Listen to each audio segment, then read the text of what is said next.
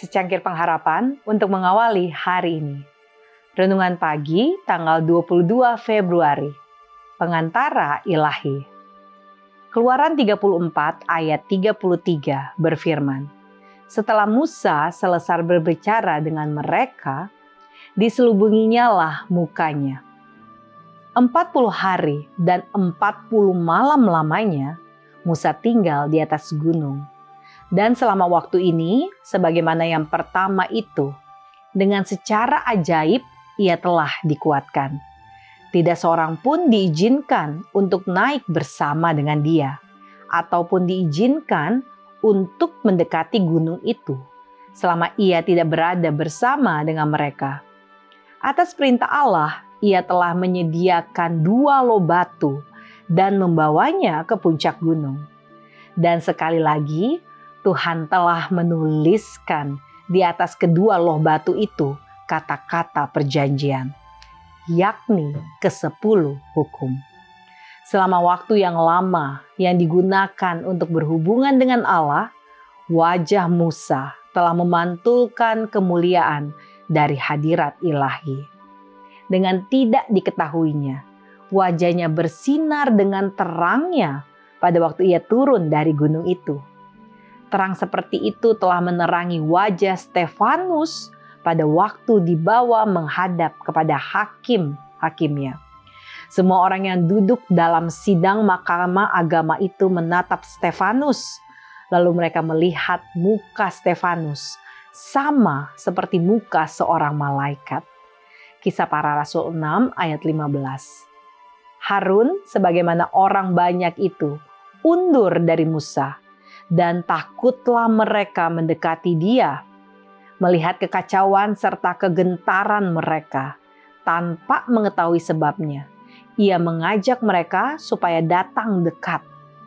Melalui terang yang menyilaukan itu, Allah bermaksud untuk memberi kesan kepada Israel tentang sifat-sifat hukumnya yang suci dan agung itu. Sementara Musa berada di atas gunung, Allah memberikan kepadanya bukan saja kedua loh batu yang berisi fir, yang berisi hukum itu, tetapi juga rencana keselamatan. Ia melihat bahwa pengorbanan Kristus telah digambarkan lebih dulu oleh segala lambang-lambang pada zaman orang Yahudi dan terang surga yang memancar dari bukit Golgota yang tidak kurang daripada kemuliaan Allah itu yang telah memancar dengan terangnya kepada wajah Musa. Terang ilahi itu melambangkan kemuliaan dari zaman di mana Musa merupakan pengantara yang kelihatan. Musa adalah satu lambang daripada Kristus. Sebagaimana pengantara Israel itu menudungi wajahnya dan oleh karena orang banyak itu tidak tahan untuk melihat kemuliaannya. Demikian juga Kristus, pengantara ilahi itu, menudungi keilahiannya dengan kemanusiaan pada waktu datang ke dunia ini. Jikalau ia telah datang disertai oleh kemuliaan surga, ia tidak akan dapat mendekati manusia dalam keadaannya yang berdosa. Mereka tidak akan tahan terhadap kemuliaan hadiratnya.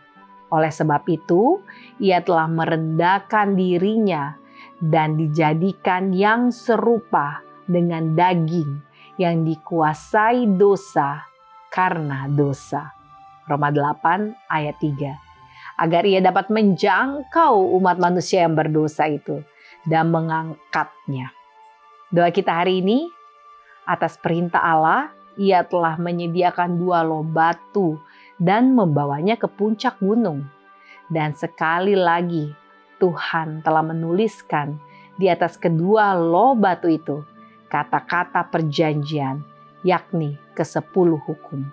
Oleh karena itu, marilah kita menjadi umat yang turut akan perintah-perintahnya. Amin.